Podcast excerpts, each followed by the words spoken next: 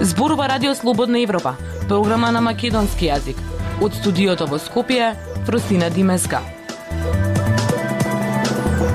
Ги слушате вистите на Радио Слободна Европа. Во нив објавуваме. СДСМ со нов председател ВМРО да ДПМН со најава за нова доктрина. Ке донесат ли партиските промени и нови обштествени текови? Енергетската ефикасност е спас за енергетската криза, но државата прави определени и недоволни напори. По 90-минутниот разговор Бајден Зеленски се отвори прашањето дали американскиот председател ја жртвуваше Украина или пак избегна војна. Независни вести и анализи за иднината на Македонија на Радио Слободна Европа и слободнаевропа.мк. Почнуваме со најавените теми. Најави за внатрепартиски реформи за нови лица за промена на политички доктрини. Сумирано, ова се најавите на новиот лидер на СДСМ Девитар Ковачевски и стара новиот на ВМРО ДПМН Христијан Мицкоски. Понеделниот изборен ден во двете партии.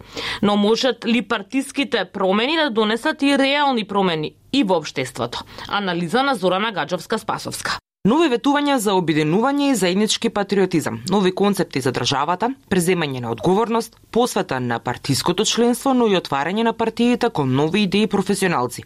Ова се само дел од промените кои ги витија двете неголеми политички партии во земјава, ВМРО ДПМН и СДСМ по вчерашните избори за нови лидери. Премиерот Зоран Заев повеќе не е лидер на владеачката СДСМ. Негов наследник е Димитар Ковачевски. Во опозицијската ВМРО ДПМН нема промени. Актуелниот лидер Христијан Мицковски доби втор мандат со ветување за втора епоха. Политичкиот аналитичар Петар Арсовски вели дека очекува повеќе промени во СДСМ отколку во ВМРО ДПМН по изборот на нов лидер затоа што во опозицијската партија станува збор за избор на континуитет. Таму тоа што може да се очекува дека Митковски со потребен мандат ќе може да ги направи сите промени кои може би не можел да ги направи во партијата предходно, да ја консолидира својата визија и да ја постави партијата по она што е неговата стратегија. Во СДСМ треба се очекуваат поголеми промени, бидејќи таму изборот е со наратив на промени. Таму може да се очекува смена на некои од раководните позиции, може да се очекува смена во владиниот кабинет. Од друга страна, новиот лидер на владеачката СДСМ Ковачевски не објасни што по неговиот избор избор со партиското раководство, но и со реконструкцијата на владата која се очекува од како тој ќе треба да предводи нова влада. Според досегашните најави дека лидерот на партијата ќе биде и премиер. Според статутот на СДСМ, досегашните подпредседатели на партијата Мила Царовска, Венко Филипчи и Фатмир Бидики се во оставка и нивни заменици може да се бираат на наредниот партиски конгрес,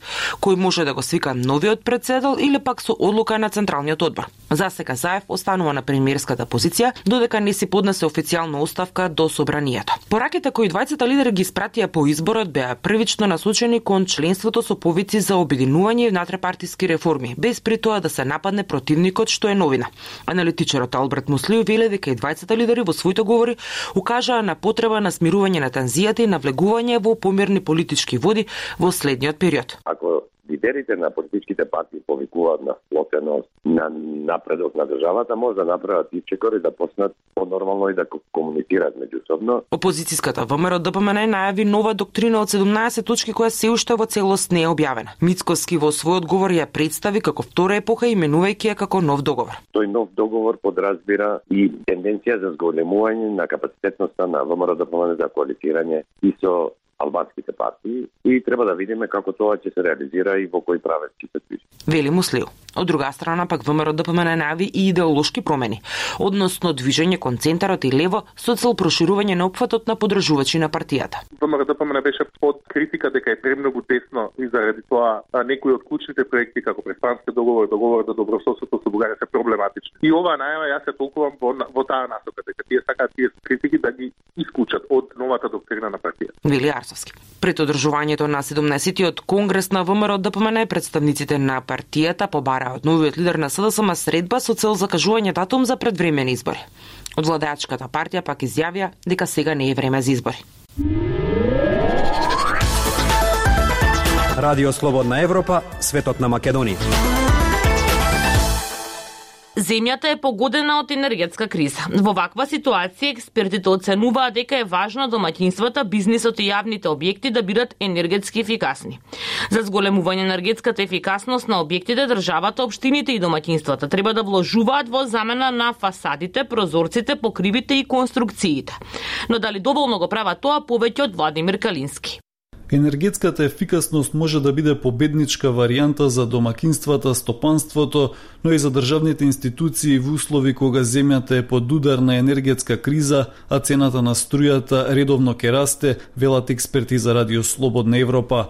Домашното производство на струја во моментов е намалено, а поради недостигот на струја државата увезува електрична енергија за неколкукратно зголемени цени на берзите. Се уште е неизвестно колкав ќе биде растот на цената на струјата по 1 јануари 2022 година. Во ваква ситуација, вели професор Константин Димитров, државата со спроведување на мерки за енергетска ефикасност има голем потенцијал за намалување на потрошувачката на електрична енергија за најмалку една третина. Мерките за енергетска ефикасност е победничка варијанта. Најдоброто нешто. Значи, не трошиш енергија, не загадуваш, еднаш инвестираш, се ослободуваш од увоз, имаш малени трошоци. Вели професор Димитров, за зголемување на енергетската ефикасност на објектите, државата, општините и домакинствата треба да вложуваат во замена на фасадите, прозорците, покривите и конструкциите. Македонија има усвоено и закон за енергетска ефикасност, според кој властите имаат обврски да ги спроведуваат одредбите. Димитров вели дека обврска на државата според законските одредби е секоја година да модернизира најмалку 3% од катастарот на нејзините објекти, односно во нив да спроведе минимални мерки. Државата прави определени напори недоволни. Нема однапред предвидено во буџетот на државата сума на средства наменета за енергетска ефикасност. Според тоа се однесува несериозно. Вели Димитров, Во моментов покрај Македонија енергетска криза има и во повеќе земји во Европа. Професор Ристо Филковски од Машинскиот факултет во Скопје исто така оценува дека во ваква ситуација енергетската ефикасност може многу да помогне за заштеда на електрична енергија.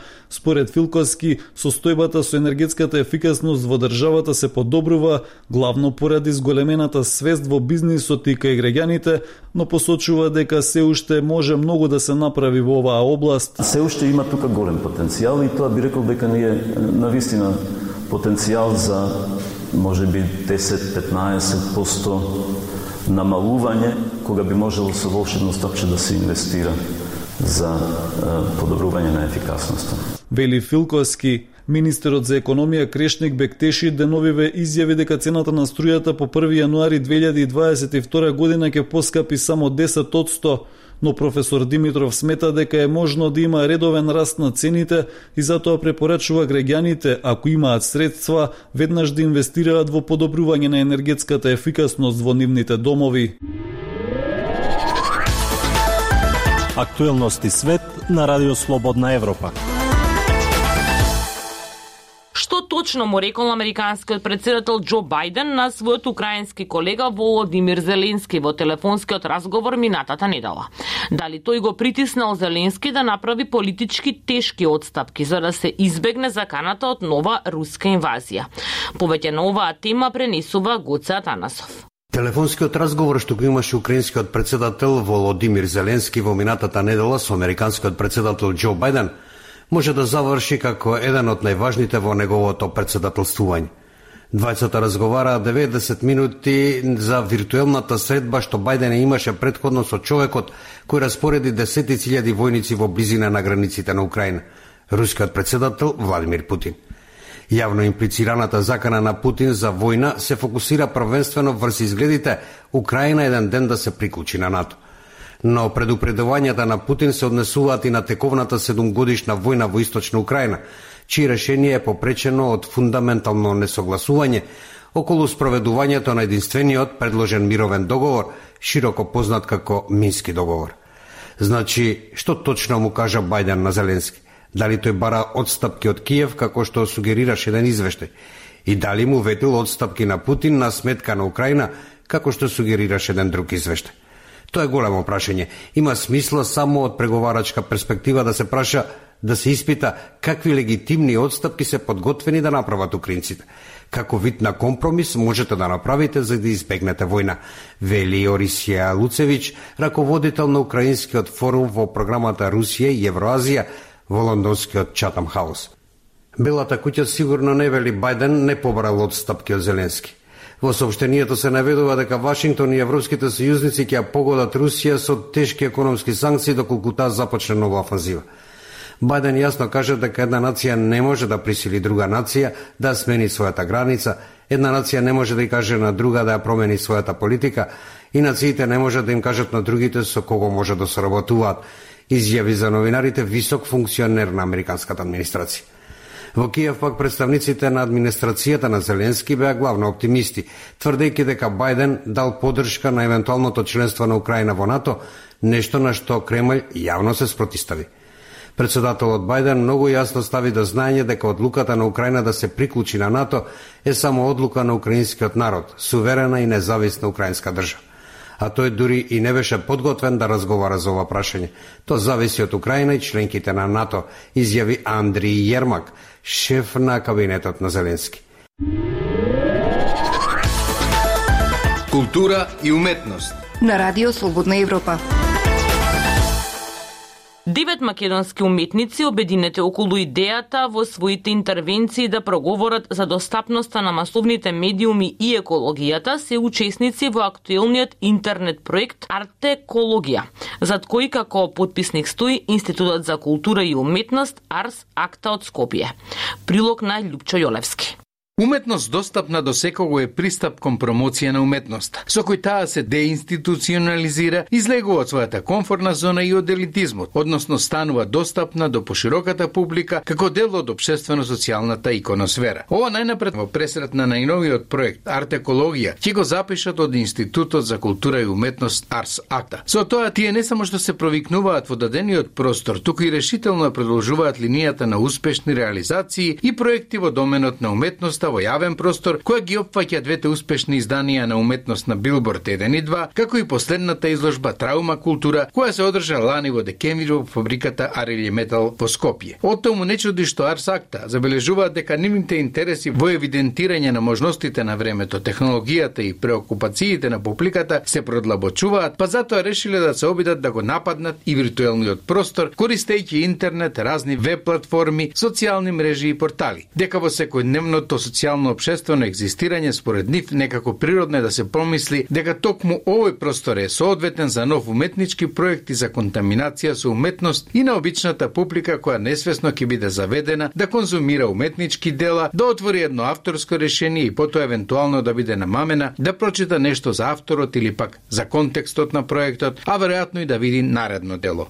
Целта е да го нападнеме обичниот набљудувач со уметност, наместо со вообичаени комерцијални видеа или политички ветувања. Да го натераме да погледне нешто што ќе го измести од, од вообичаената секојдневна зона и вкус, нурнувајќи во една поинаква естетика, пософистицирана, повисока. Да го принудиме да се запраша што гледа, што е тоа што се рекламира, постепено сваќајќи дека гледа нешто што нема комерцијална заднина, ниту пак промовира некој познат бренд, велат подписниците на проектот. Кураторот на проектот, Ана Франговска, истакна истакнува дека уметноста на екологијата или арт екологи е во согласност со еколошките и политички прашања што ги преокупираат светските политики, а секако се почесто и уметниците кои чувствуваат потреба и одговорност да се приклучат кон соопштата битка за спас на планетата Земја. Во арт екологија со своји интервенции, кратки видеа и гифови учествуваат Роберт Јанкуловски, Моника Мотеска, Гоце Наневски, Славица Енешлиева, Кристина Полејкова, Денис Јагджи, Марија Сотировска, Борис Шемов и Игор Сековски. Арт екологија е насловот на проектот и во него уметниците говорат за природата, екологијата, уништувањето, вирусите, дезориентираноста, ерозијата на духот и сите останати нуспојави, тоест демони на секојдневието, кои доведуваат до промена на нормалноста во која живееме. Колку капиталистичкото општество, стремејќи кон што повисока добивка е подготвено да ги жртвува здравјето на луѓето и днината на нашата планета, е уште една тема кон која со критички тон се обраќаат уметниците, говорејќи за за урбаната мафија, загадувањето, родовата еднаквост, миграција, историја, медиумски хаос, смрт и разни други видови екологија. Смета Франговска. Тоа беше се во оваа емисија на Радио Слободна Европа. Од студиото во Скопје со вас беа Дејан Валовски и Фростина Димеска. До слушање.